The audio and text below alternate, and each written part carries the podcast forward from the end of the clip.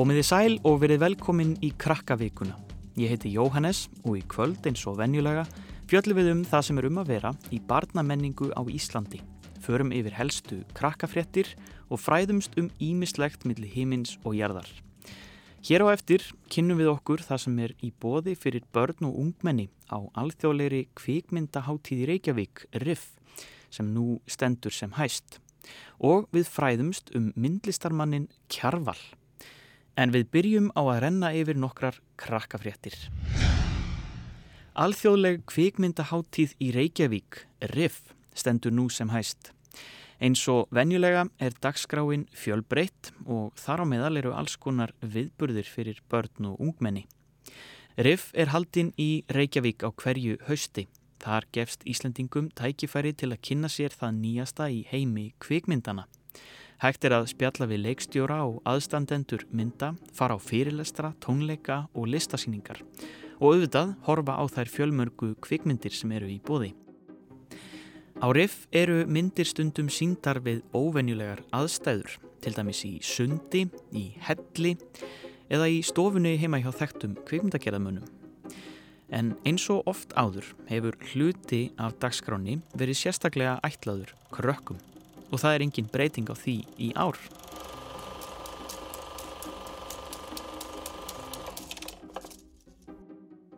Herðu, það er mikið í búði núna og við leggjum svolítið upp með það á hverja ára að reyna að bæta meira og meira í fyrir emitt ungu kjensluðana og núna í ár eru við með þrjár myndir sem voru í úslitum á EFA-velunum en það eru velun sem að ungir krakkar kjósa um eða Evrósku áhörvendavelunin og það eru krakkar frá 34 löndum á aldrinum 12-14 ára sem velja vinningsmyndina.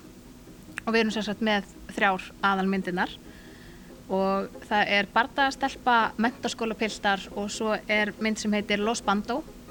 En hún er mjög spennandi, það eru norska krakka í hérna rockljómsveit sem vilja taka þátt í rockkeppni og fóröldarinn banna það. En þau fara samt þannig að myndin snýst um að þau eru á leiðinni í keppnina en á flótta undan fóröldrum og lauruglu.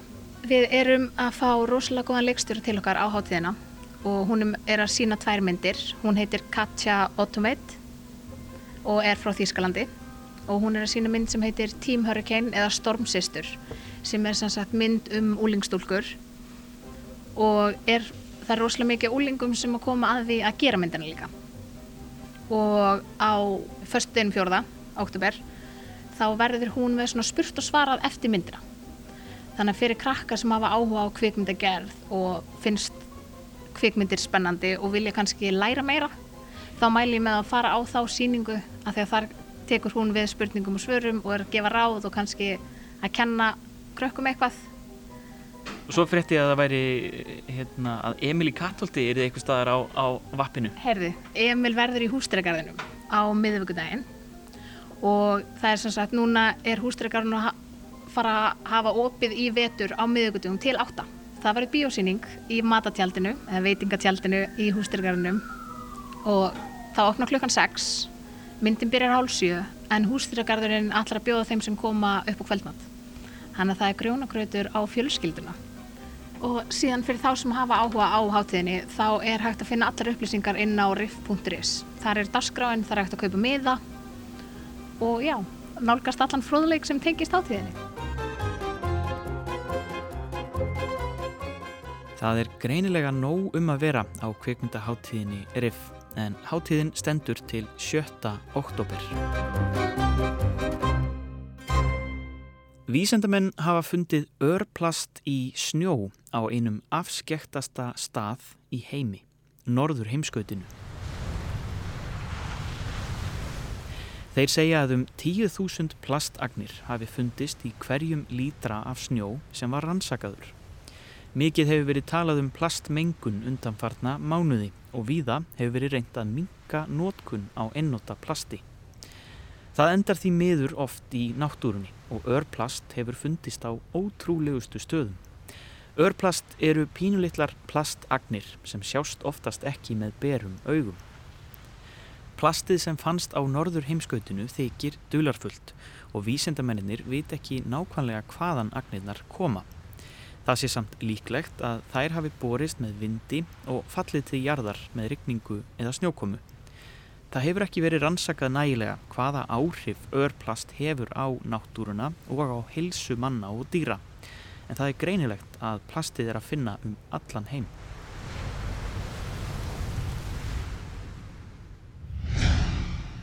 En þá ætlum við næst að fjalla um bókmentir eða bókmentir um myndlist.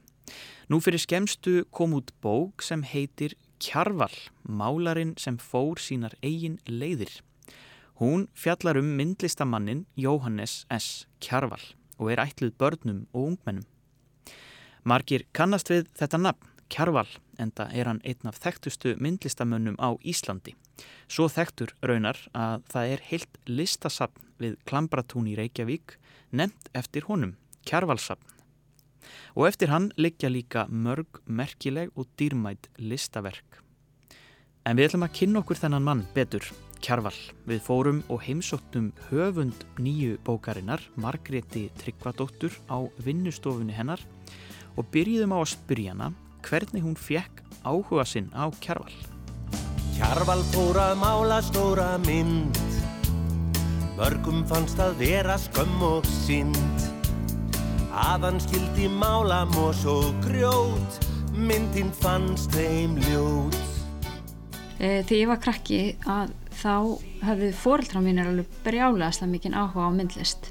Og pappi minn hann rak heildsölu með krydd en sem var í sama húsi og myndlist og handiðaskólin þannig að, að þegar ég var eitthvað að þvæla staðrum þá var alltaf hérna, myndlistar nemar út um allt það hús að þetta var svona eiginlega sama húsi og mamma mín var myndlistamentuð og svo var hún hérna, myndlistakennari í grunnskóla líka. Þannig að við vorum alltaf að hugsa um myndlist og hérna og ég, þau fóru með mig á eiginlega bara allar síningur og við fórum til útlanda sem var nú kannski minna gert af en er gert núna að þá fórum við að skoða líka listasöp þar. Og þegar ég sjálf eignaðis börn og þá fannst mér líka mjög gaman að fara með þau á listasöp og af því ég var alltaf að vinna við svona bókmyndir og bóka útgafi þá kefti ég alltaf svona bækur fyrir krakka sem voru um list í útlöndum og fannst alveg ótrúlega leðilegt að væri ekkert til sem að börnum getur tekið og hérna og lesið. Þannig árið 2006 þá gerði ég eina bókum sem heitir Skoðum myndlist með vinkonu minni þar sem við töluðum um, eða þjöldluðum um e, íslenska myndlist fyrir krakka. Og síðan þá, þá er ég búin að vera að hugsa svolítið um að gera bókum kjærval og ástæðan fyrir því að ég valdi kjærval en ekki einhvern annan listamann er að hann er kannski svona svolítið grunnur undir alla aðra myndlist á Íslandi. Hann er svona kall sem að uh, var einn af þeim fyrstu sem að gerist atvinnulistamæður á Íslandi mm. og hann var alveg ótrúlega flinkur og auk þess eru listaverkinans þannig að krakkar hafa mjög mikinn áhugaðu ef þau fá tækifæri til að kynast honum að þá finnst þeim oft rosalega skemmtilegt að skoða þau því að þau eru oft full af svona einhverjum fantasíu verum og maður getur komið að sama verkinu aftur og aftur og aftur og alltaf séð eitthvað nýtt. Mörg þeir eru þannig. En Kjarval eh, svona í okkar augum og, og, og eirum það, hann, þetta er svona þekktasta, eitt af þekktustu uh, myndlista nöfnunum og það kom svolítið óvart, óvart að hann yrði svona þekktur, ég minna hann kemur bara úr fátæku sveitalífi og, og svo verður hann þessi, þetta stóra nafn. Uh, að þú kannski bara segir okkur aðeins frá því hvernig, hérna, hvernig lífi hann lifiði til að byrja með? Fóreldrar hans eru mjög fátæk og hann á ofbúslega mörg önnu sískinni og þau eru svo fátæk að þau get ekki haft öll börnin sín hjá sér. Þannig þegar hann er svona fjara, fimm ára gammal þá er hann sendur á hestbakki yfir hálft landið til frendfólks þar sem hann var sendur í fórstur mm. og hann hitt ekki eftir fóldra sína fyrir hann var orðin 19 ára gammal mm. en það sem ég finnst svo merkilegt er að, að drengur sem á þessum tíma, hann er fættur sko 1885 að e, þar, þá var náttúrulega ekkert sjónvarp og það voru kannski mjög fá bækur og eiginlega yngar bækur með myndum og, og fólk átti almennt ekki e, málverka en eitt slikt og hérna bjó í torbæjum mm. en samt hafði hann svona rosalega mikinn áhuga á að skapa og teikna og mála mm. og hann átti, það var mjög erfitt að fá pappir þannig að hann var alla æfi þá bara þoldi hann ekki að sjá að einhver hendi pappir af því hann þráði þessu pappir þegar hann var ungur mm. uh, svo var hann, af því hann var fátækur og var alltaf að reyna að vinna sem sjómaður og verkamaður að það var mjög erfitt fyrir hann að komast í og læra myndlist en það höfði nokkru gert það og hann læriði soldið á Íslandi hjá, bara í svona kvöldskóla hjá öðrum listamennum en svo hjálpuðu vinnir hans honum að komast til útlanda til að læra og þar, það var eiginlega fórsenda þess að það var yrði hægt að verða alveru listamæður og komast til útlanda og læra. Mm. og fyrst fór hann til London og það gekk nú ekki alveg uh, að því hann átti ekki peninga en hann komst í skóla í Kaupanafn og læriði þar. Engin kvartar lengur ætis hót Við horfum upp í sveit á mós og grjót. Engin heyri segja fílík synd. Við segjum fallegt eins og kjarvalsmynd. Við segjum fallegt eins og kjarvalsmynd. En hann er, hann er eh, einstakur í bara öllum sínum verkum og, og þú, þú talar um að hann sé svona uh, hann er svolítið svona hann var, var áletinn svolítið sérstakur maður líka. Ekki bara verkin hans heldur hann sjálfur. Hvernig, hvernig manneski heldur hann hafi verið? Ég held að hann hafi verið svona svolítið innstæðingur. Hann eila svona var giftur listinni, hann prófaði hann að reynda að egnast fjölskyldu og giftist konu en það hjónaband gekk ekki og egnast tvei börn og ég held að hann hafi ekkert alltaf verið mjög hamingisamur og uh, kannski var það vegna þess að hann var sendur í burtu þegar hann var krakki og, og hérna svona misti kannski tengslinn við sína fjölskyldu mm.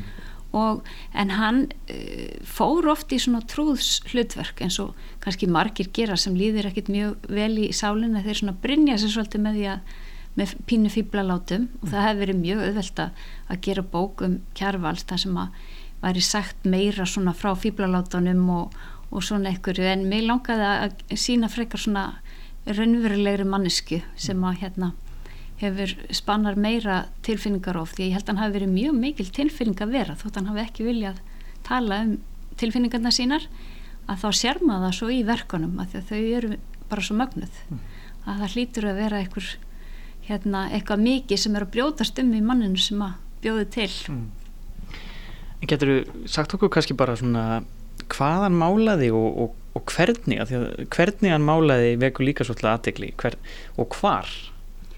Já, hann var nefnilega alveg sérstakur sko fyrst vildi hann bara fara til útlanda og, og hérna og giftist út erlendir konu og svona en svo ákvaðan að verða íslensku listamæður og hann hafði mjög mikinn áhuga á náttúrunni og mér finnst hann vera svona frumkvöðl í náttúruvend mm. hann til dæmis, ég held að á hans tímum hafi ekki margir aðri tala, tala þannig að þeir vildu vernda kvali en það vildi hann gera. Mm. og hann þóldi ekki ef að kyrti við blóm eða eitthvað svo leis og verið að keira utan vega þeir voru náttúrulega líka færri vegir og, og þetta er miklu færri bílar þegar hann var eða á hans tíma. Mm en hann reynlega ákvaða að leggjast bara út í náttúruna til að kynast henni vel og hann var bara e, hann málaði alveg gríðarlega mikið úti og var búin að finna sér upp alls konar tækni til þess að hérna, auðvelda sér það og svo bara reynlega bjóða hann úti heilu sömrin og var í tjaldi og söpboka og, mm. og svona og hérna var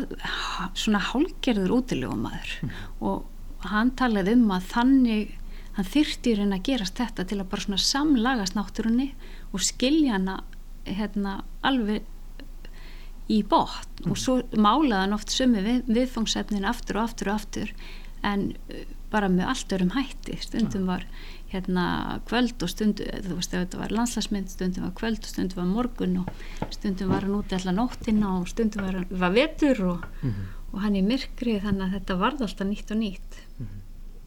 og stundu var hann mjög lengi að mála eina mynd. Það gæti tekið kannski nokkur árið þegar ekki? Jú, hann, sko, hann var gætt bæði verið alveg fáranlega snöggur að því. Mm. og hérna það er til alveg ofsalega mikið af verkum eftir hann. Bara svona rissað upp. Já, var rissað upp og var hérna gætt verið bara svona eins og hamleipa og, og unnið jafnvel bara án, án kvildar sólaringum saman. Mm. en sum verk þá var hann að nostra við og mála jafnvel í 20 ár Nei. og letið ekki frá sér og var alltaf að teka þau fram aftur og aftur og bæta hans í þau og svo kannski jafnvel fóruð þau á síningu en hann vildi ekki selja þau og nokkru málum mán, sko, mánuðu með árum setna held hann áfram að mála í þau mm. þannig að hann, hann svona nostraði alveg ótrúlega við sumt mm. En hvaða augnablík er það, eða svona kannski ekki augnablík en, en svona hvað veldur því að hann verður svona þekktur? Já, ég held að það hafi verið það, er, það er svona svolítið margt mm. þegar að hann var fátækur, hann var fátækur alveg fyrstu 50 ár æfinar mm. og eiginlega þótt hann átti, átti nóga peningum eftir það að það átti hann hverki heima, hann var eiginlega heimilislaus mm. alla sín æfi og bara svaf á vinnustofinni sinni eða hjá vinnum sínum mm. og átti eiginlega aldrei raunverulegt heimili uh, frá því að hann var sendur þarna fjögur ára í burtu en reyndar bjóð hérna hjá alveg góði fólki þegar hann var í fórstri ja. e, en það var líka það fyrst var samfélagið mjög fátækt en svo varð samfélagið ríkara og það myndaðist hérna á Íslandi svona borgarastjætt og, mm. og þá varð það e, svona stöðutákna eiga mynd eftir kjarval yeah. og þá fóru, fóru myndirnir að seljast mjög vel en honum þótti alltaf ofsalega leðilegt að standa í svona sölustúsi mm. en hann átti mjög goða vini sem heldur utan að manna hann bjóstundum hjá og þeir eiginlega tóku það svolítið að sér að selja verkinans og halda utan um fjármálindi hann, það var bara ekki alveg hans sérgrinn mm -hmm. En kjarval e, það, er, það er eitt sem er svona líka sérstakt við hann hann, hann fekk oft spurningar frá bladamönnum og svaraði erfiðustu spurningunum bara með orðinu gilligokk komst að því hvað gilligokk þýðir?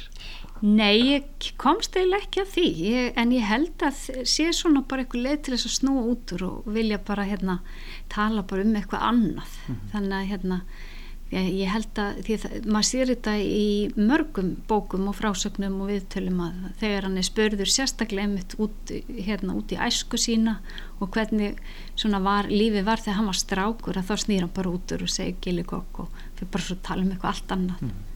við vil greinlega ekki tala um erfiðar hluti mm.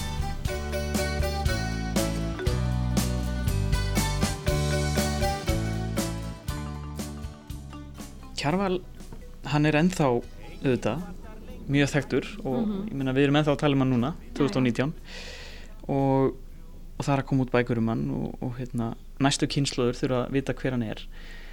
Hvað hvað getur þú sagt að væri svona helsta leksían sem kannski krakkar í dag getur lært á honum? Að því að nú, nú er náttúrulega allt aðrar aðstæður eins og talar um nú mhm. samfélagið breyst og það er miklu meira aðgengi að listaskólum og bara áhöldum og, og, og, og tækjum og tólum til þess að verða listamæður og ekki bara myndlistamæður heldur bara alls konar.